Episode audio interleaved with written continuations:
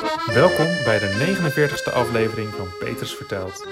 De podcast met verhalen van geloof, hoop en liefde uit de Protestantse kerk.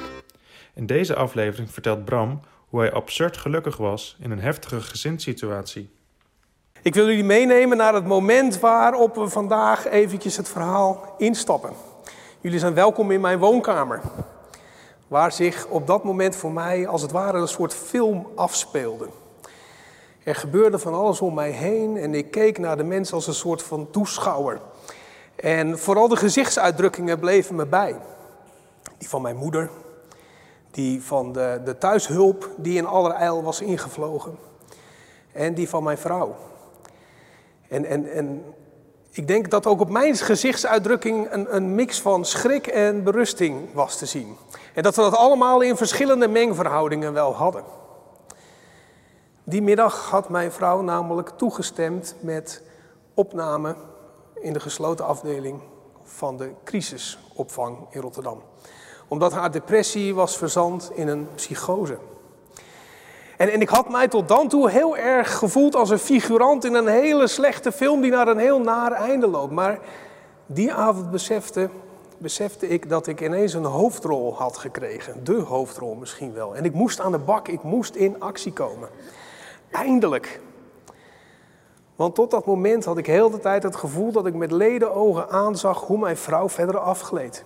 En hoe ik in de kielzog van haar afgleed. En hoe wij steeds meer ook uit elkaar dreven. En die middag hadden we kennelijk met elkaar een bodem bereikt. Ik in ieder geval wel. En aan mij was de uitdaging ook om als eerste op te staan en op te krabbelen. En dat deed ik gelukkig ook vanaf die middag. Ik regelde de oppas, ik regelde de opvang die mijn moeder zou ondersteunen. Ik regelde dat ik mijn handen vrij had, zodat ik haar kon wegbrengen naar de kliniek. Ik bedacht van tevoren al, oh ja, hoe werkt de wasmachine ook alweer? Hoe ga ik dit morgen op mijn werk vertellen? En bovenal bedacht ik me, hoe ga ik dit morgen aan mijn kinderen vertellen? Dat bleek niet eens zo heel erg nodig te zijn. Want die kinderen die voelden kennelijk al haarfijn aan wat er gebeurde. Die nacht kwam ik thuis. Zij lagen al op bed. En ik kroop alleen in ons grote bed, waarvan één helft voorlopig leeg zou blijven. En in de loop van de nacht hoorde ik wat gestommel van de trap afkomen. Eerst mijn dochtertje, die naast me kroop. En toen mijn jongste zoon, en wat meer tegen de ochtend aan ook de oudste. Alsof zij instinctief aanvoelde, nu komt het erop aan. Nu moeten we heel dicht bij elkaar blijven en elkaar niet loslaten. En dat werd ook onze onuitgesproken afspraak voor die periode. Wij blijven bij elkaar. Wij zijn een team, wij gaan dit samen met elkaar rooien. Dus merkte ik hoe de kinderen accepteerden dat ik als vader, die altijd druk bezig was en altijd aan het werk en ook heus wel aandacht had, dat ik moest leren ook om een moeder te zijn. En dus moest ik inderdaad uitvogelen hoe de wasmachine ook alweer werkt. En het heeft me een paar truien en t-shirts gekost, maar uiteindelijk kreeg ik het onder de knie. En ik moest weer boodschappen gaan doen en dat gaan plannen en de maaltijden klaarmaken. Zorgen dat alles klaar lag voor de volgende dag, dat hun kleertjes op volgorde lagen. Eh, dat ze niet de grote of juist de kleine onderbroeken in hun laadje vonden. Dat de boterhammen gesmeerd waren. Dat op de juiste dag de gymkleren en de zwemkleren klaar lagen. Dat ik bemiddelde als ze ruzie hadden met hun vriendjes. Dat ik ze troostte als ze huilden. Dat ik kusjes gaf op zere knieën. Op knieën. Dat ik ze prees als ze een prachtig, prachtig Lego-werk hadden gemaakt. Of een mooie tekeningen voor mama. En al die dingen die je eigenlijk samen zou willen doen. Die leerden we met elkaar. En, en dat was ook ons doel, dat was ook mijn doel. Ik wilde heel graag aan mijn vrouw laten zien dat we het konden. En niet om haar te laten zien van we redden het wel zonder jou. Integendeel, we wilden haar heel graag laten zien dat we haar heel erg nodig hebben. Maar niet omdat de boel anders thuis in elkaar stort, maar omdat we haar er weer bij willen hebben. En omdat we niet compleet zouden zijn zonder haar.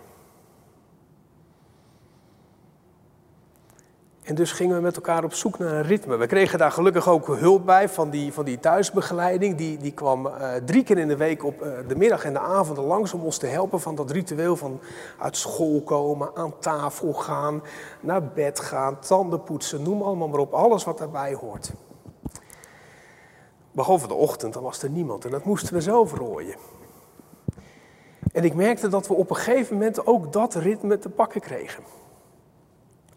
Om zeven uur ging de wekker. Dan kietelde ik iedereen wakker. Om kwart over zeven was iedereen aangekleed. In mate van zelfstandigheid. Om half acht zat iedereen beneden en konden de bestellingen aan papa door worden gegeven. Om kwart voor acht zat iedereen aan de boterham, aan de yoghurt met de krusli of aan de vla. En om acht uur zaten we stip met elkaar in de auto. Had mijn dochtertje haar staartje in, had iedereen sokken, schoenen en een jas aan en zijn rugtas bij zich. Om tien over acht stonden we voor de eerste school van mijn oudste zoon, speciaal onderwijs. En zodra hij de poort doorliep, reden we naar de volgende school, waar we om tien van half negen aankwamen, precies op het moment dat de bel ging. En om half negen reed ik weer weg, op weg naar huis, op werk of wat dan ook. En dat ritme staat nog steeds. Mijn vrouw kan zich iedere ochtend omdraaien omdat wij met z'n allen dit ritme voor elkaar hebben gekregen. En daar ben ik nog steeds trots op. En ik merkte in die periode dat wij, de kinderen en ik en, en de thuiszorg met elkaar dat ritme voor elkaar kregen. Dat mijn emoties en mijn gevoelens niet helemaal in pas liepen met de situatie die je vanaf de buitenkant zou omschrijven. Vrouw is opgenomen in het ziekenhuis. Man moet alles alleen doen, inclusief twee banen. Kinderen die hebben hun zorg en hun verdriet en ze missen mama. Het wijkteam kijkt mee over mijn schouders. Ze sturen zelfs jeugdzorg op me af. Om te kijken of het allemaal wel goed gaat, of de boel niet in de brand vliegt. En ondanks dat allemaal merkte ik dat ik eigenlijk best heel vaak gelukkig was. Ondanks al die shit die we meemaakten. En die bij wijze van spreken dagelijks over ons werd uitgestort. Was ik gelukkig en had ik de indruk dat mijn kinderen gelukkig waren en dat mijn vrouw ook weer op weg was om gelukkig te worden. En ik moest toen heel erg denken aan een uitspraak van William Barclay. Ik weet uit mijn hoofd niet meer precies hoe die gaat, maar hij zegt dat hij zijn discipelen, hij zegt dat Jezus zijn discipelen een aantal dingen belooft. En een van die dingen is dat ze absurd gelukkig zijn. En ik merkte bij mezelf dat ik absurd gelukkig was. Ik voelde me best gelukkig en dat was tamelijk absurd gezien de situatie. En de eerste keer dat ik dat merkte was toen ik een boterham stond te smeren, s morgens vroeg. Ik had één boterham met vlokken klaargemaakt voor het ene kind. En ik had één bak met yoghurt met een lepel erin klaarstaan voor het andere kind. Alleen de ene wilde eigenlijk geen vlokken, maar hagelslag op brood. En de andere wilde eigenlijk graag vlokken in de yoghurt.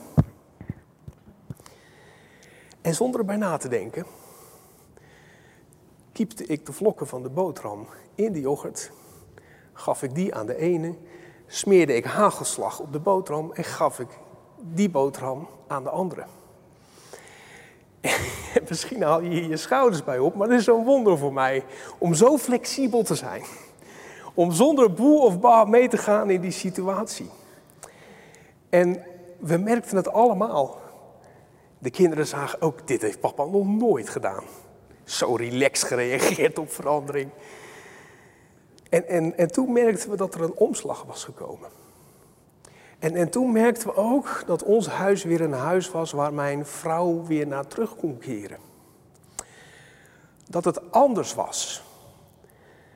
Dat ze met open armen ontvangen zou worden, dat sowieso, dat altijd, maar dat ze niet meer op dezelfde manier door hoefde te gaan zoals ze daarvoor had gedaan. We waren nu met elkaar absurd gelukkig. En, en die houding heeft mij ook heel erg geholpen om ook weer verder te gaan nadat mijn vrouw beter werd en weer thuis kwam. Toen ik met Maarten dit voorbereidde, zei hij van, ben jij zelf niet ingestort nadat je vrouw thuis kwam? Toen zei ik, nee. Want we waren absurd gelukkig. En dan mag je dus gelukkig zijn zonder daar reden toe te hebben. Maar gewoon omdat je er bent, omdat je samen bent, omdat je van elkaar houdt. En dan mag je dus ook gelukkig zijn, ondanks dat je allerlei schuldgevoelens met je meedraagt. Want die heb en had ik zat. Gevoelens van tekortkomen, van nalatigheid, van laksheid, van het laten gebeuren, bij wijze van spreken, wat er gebeurde. En vanuit dat gevoel van absurd geluk lukte het mij, deze gereformeerde jongen, die altijd zijn schuldgevoel met zich meezeulde, om zijn schuldgevoel in ieder geval te parkeren. Mezelf vergeven, dat lukt nog niet. Maar ik dacht later bij mezelf, ik heb het ergens in een kluisje gedaan. Op een leeg en verlaten station waar ik eigenlijk nooit meer hoor te komen. En toen ben ik in de trein gestapt, waar mijn gezin ook al in zit. En we zijn gewoon lekker doorgegaan. En van het landschap gaan genieten. In plaats van al die zooi maar meezeulen de hele tijd. En dat is denk ik de kern van mijn verhaal. Ik hoop dat als je shit meemaakt in je leven, als het echt slecht en bar en boos wordt, dat je dan een van die dingen meekrijgt die Barclay zegt. Dat je absurd gelukkig zal zijn. Dankjewel. Dit verhaal werd verteld tijdens een verhalenavond van Petrus Verteld. Wilt u ook een keer zo'n verhalenavond bijwonen? Kijk dan op www.petrusverteld.nl